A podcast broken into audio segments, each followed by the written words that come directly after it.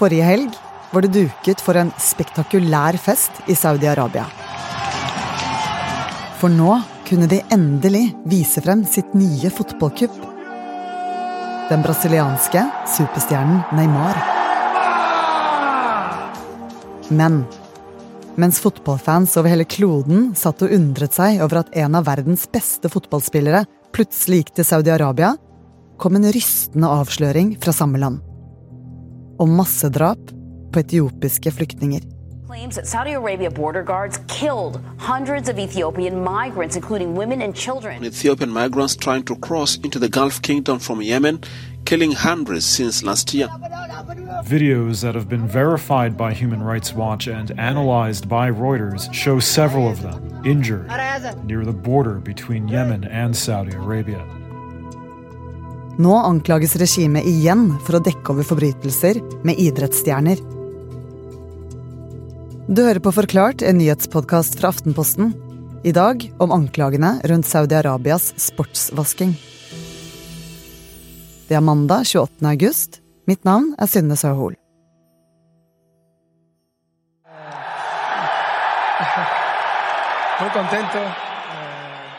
Forrige søndag var det en stor feiring i Riyadh, Saudi-Arabias hovedstad.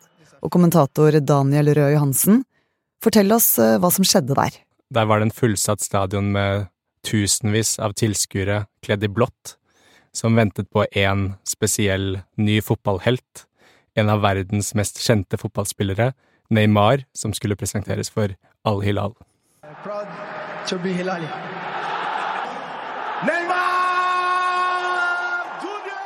Vi ser eh, Neymar løpe ut av eh, spillertunnelen gjennom en eh, røyksky fra en røykemaskin og forbi litt fyrverkeri. Og så er det en stor rekke med barn på hver side, der Neymar gir high fives til alle sammen på vei ut mot midtsirkelen, der han endelig skal presenteres for et blått folkehav på tribunen. Denne overgangen har jo vært overraskende for veldig mange. Hvorfor det? Det er ikke veldig lenge siden saudi-arabisk fotball var ganske fjernt for de aller fleste som følger med på sporten. Men det siste året har det skjedd et slags jordskjelv i fotballens verden, der Saudi-Arabia plutselig har begynt å hente mange store stjerner fra Europa. Neymar er jo en spiller man forbinder med de aller største europeiske klubbene og de, den største fotballscenen, så at han tar turen til Saudi-Arabia er noe som forbauser mange. Saudi-Arabia har hanket inn en rekke fotballprofiler. Den første virkelig store var Cristiano Ronaldo. I'm so proud to make this big decision in my, in my life in football.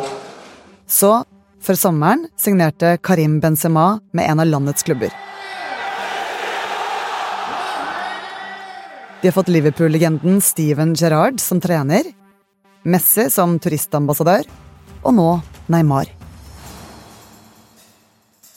Men Daniel, er det ikke fint da at en liga utenfor Europa vokser seg så stor og blir så verdenskjent, da? Jo, det kan man jo si. At det er jo ikke Europa og England som har enerett på fotballen. Og for mange i Midtøsten er jo reaksjonene litt spesielle. De mistenker kanskje at det kommer av frykt for at fotballens tyngdepunkt er i ferd med å endres. Samtidig er det mange reagerer på her at fotballen og politikken blir vevd tettere sammen enn noen gang før. Og han som vever alt dette sammen, er kronprins og statsminister Mohammed bin Salman. For han har store ambisjoner for landet sitt. En av dem er å gjøre Saudi-Arabia til en mektig fotballnasjon. Før sommeren kom nyheten om at staten i Saudi-Arabia tar over fire av de største klubbene i hjemlandet. Og det er en del av en veldig stor satsing der målet er å bli en av de ti største fotballigaene i verden. Og så er det jo langt fram dit, men jeg tror ikke vi skal undervurdere hva Saudi-Arabia kan få til med nok vilje og nok penger. Etter hvert vil de også bygge et mer slagkraftig landslag, og så håper landet å få VM på hjemmebane. Hva ønsker de å oppnå med alt dette? Det handler om uh, myk makt. Og det er en uh, strategi som skal fungere på to områder samtidig. Det ene er ut mot lokalbefolkningen. Uh, Saudi-Arabia er en veldig ung befolkning som er veldig interessert i sport. Og alle disse investeringene på sportsfeltet, men også musikk, uh, kan bidra til å ha en litt bedøvende effekt på befolkningen og kanskje lede oppmerksomheten litt bort fra et undertrykkende regime. Og det andre er bildet de ønsker å vise ut mot verden, der de ønsker å knytte positive assosiasjoner til landet, som igjen kan gi politisk kapital. Samtidig som Neymar vinker og smiler fra scenen, avdekkes grusomme handlinger på grensen mellom Saudi-Arabia og Jemen. Langt borte fra fyrverkeriet og festen i hovedstaden. Drapet på hundrevis av etiopiske migranter.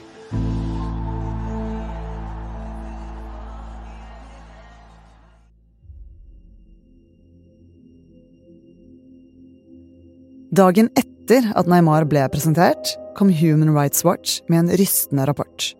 Human Rights Watch anklager saudiarabiske grensevakter for å ha drept hundrevis av etiopiske flyktninger på grensen mellom Jemen og Saudi-Arabia. Disse anklagene er basert på videoer og intervjuer, og skal vise at både kvinner, barn og menn blir systematisk drept. Og disse drapene skal ha skjedd mellom mars 2022 og juni i år. I rapporten forteller en 14 år gammel jente at hun så 30 mennesker bli drept på måter hun aldri kunne sett for seg. Selv overlevde hun angrepet ved å gjemme seg mellom en stein og døde kropper. Bare i år har hundretusenvis av mennesker blitt drevet på flukt fra Etiopia pga. krig og matmangel. Human Rights Watch sier at dette kan være en forbrytelse mot menneskeheten, som er en veldig alvorlig anklage, mens Saudi-Arabia avviser påstandene. Men det er langt fra første gang Saudi-Arabia anklages for brudd på menneskerettighetene. I Saudi-Arabia er det vanlig at kvinner blir diskriminert og utsatt for vold, og homofili er helt forbudt. Og er du regimekritiker, kan det være livsfarlig å bo her. Da den saudiarabiske journalisten Jamal Khashoggi besøkte landets konsulat i Tyrkia i 2018, kom han aldri ut igjen. Mens forloveden ventet utenfor, ble han drept og partert. Ifølge amerikansk etterretning så godkjente kronprins bin Salman drapet, men selv benekter han dette. Vesten reagerte hardt, og Saudi-Arabia havnet delvis i den politiske fryseboksen. Og det er her disse fotballstjernene blir relevant. Og mange bruker begrepet sportsvasking, eh, som vil si at eh, land som Saudi-Arabia og Qatar, som hadde fotball-VM i fjor, bruker disse fotballstjernene og posisjonen deres til å kamuflere brudd på menneskerettighetene og overgrep i eget land. Og så er det litt mer komplekst enn det. Det er nok riktigere å si at det handler om myk makt, der stjernene skal brukes både overfor egen befolkning og for å sementere, befeste myndighetenes posisjon der, men også for å skape inntrykk av Saudi-Arabia som en normal handelspartner for vestlige land. Men funker denne sportsvaskingen, da? Ser man effekt av disse kjøpene? Klarer de å blende verden med fotballstjerner? Man kan jo starte med et uh, spørsmål. Hva er det første du tenker på når du hører ordet Saudi-Arabia?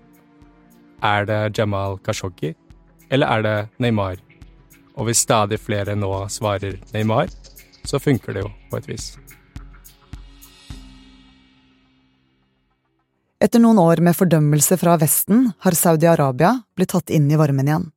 Og kronprins bin Salman har reist rundt og blitt mottatt på røde løpere i blant annet Frankrike, Hellas og Storbritannia. Saudi Crown Prince Mohammed bin Salman is in Athens on his first European trip. A warm welcome from the French president for the Saudi Crown Prince in Paris. And now Britain's Prime Minister is inviting him here før Joe Biden ble president i USA, så sa han jo at han ville gjøre Saudi-Arabia til en pariastat, altså en, et land som er helt i fryseboksen, og som Vesten egentlig ikke Og som man egentlig ikke handler med, litt som Nord-Korea er. Men så sev realpolitikken inn i Det hvite hus, og Biden måtte snu. I fjor eh, besøkte han bin Salman i Saudi-Arabia og ga han en knoke da de møttes. Og nå prøver Biden å styrke båndene enda mer til Saudi-Arabia, og det samme ser vi med en rekke vestlige land. Hvorfor tar vestlige land nå Saudi-Arabia inn i varmen igjen? Vestlige land tvinges litt tilbake til bordet, og noe av det handler om krigen i Ukraina, der Vladimir Putin fører en krig med gass. Det gjør eh, tilgangen til Saudi-Arabias olje enda viktigere. Så oljen fører politikerne tilbake til bordet, og gir også mer penger til å kjøpe idrettsstjerner som igjen kan gi politisk kapital. Men Daniel, hvorfor tror du Neymar og Ronaldo velger å gå over til disse klubbene? Liksom Handler det bare om penger, eller er det andre muligheter de får? Det handler jo mest om penger. Samtidig er jo ligaen i rivende utvikling. Cristiano Ronaldo ble latterliggjort da han valgte å gå dit rett før eh, nyttår. Da sa jo folk at han var eh, ferdig, og at ingen kom til å bry seg om kampen hans i det hele tatt lenger. Men så har vi jo sett at veldig mange stjerner drar dit, og det vil jo gjøre kampene og ligaen mye bedre. Så er det langt fram til de store europeiske ligaene, og stjerner på topp som Erling Brandt Haaland vil jo fortsatt være på den aller største scenen. Men eh, ja, på sikt så kan kanskje Saudi-Arabia knappe inn noe av forspranget, og da er det kanskje Ronaldo som ble sist? De historiene som eh, kom frem eh, med massedrap på grensen til Saudi-Arabia, hvilke konsekvenser får det for landet? Hva skal egentlig til for at de eh, blir utestengt av Vesten, da? Foreløpig har det ikke fått noen konsekvenser. Det snakkes om at uh, det skal etterforskes av Etiopia, men i samarbeid med Saudi-Arabia. Og man kan jo kanskje mistenke at så lenge Saudi-Arabia har så mye olje som de har, og Vesten trenger den oljen, så kan de slippe unna med det meste. Vi så hva som skjedde etter drapet på Jamal Khashoggi, og det kan skje igjen.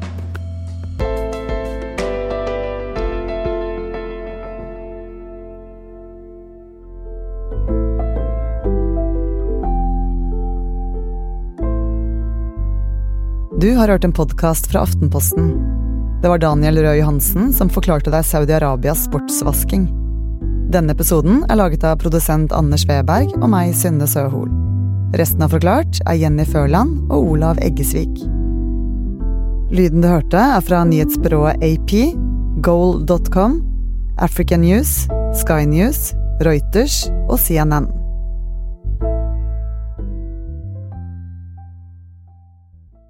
Er du usikker på hva du skal stemme på i valget? Vi i Aftenpodden har laget noen spesialutgaver, en liten valgomat. Men jeg vil påstå at det er morsommere å høre på oss enn å ta en sånn valgomat. En episode om hvert parti, så nå er det bare å høre fram mot valget 11. september hos Podme.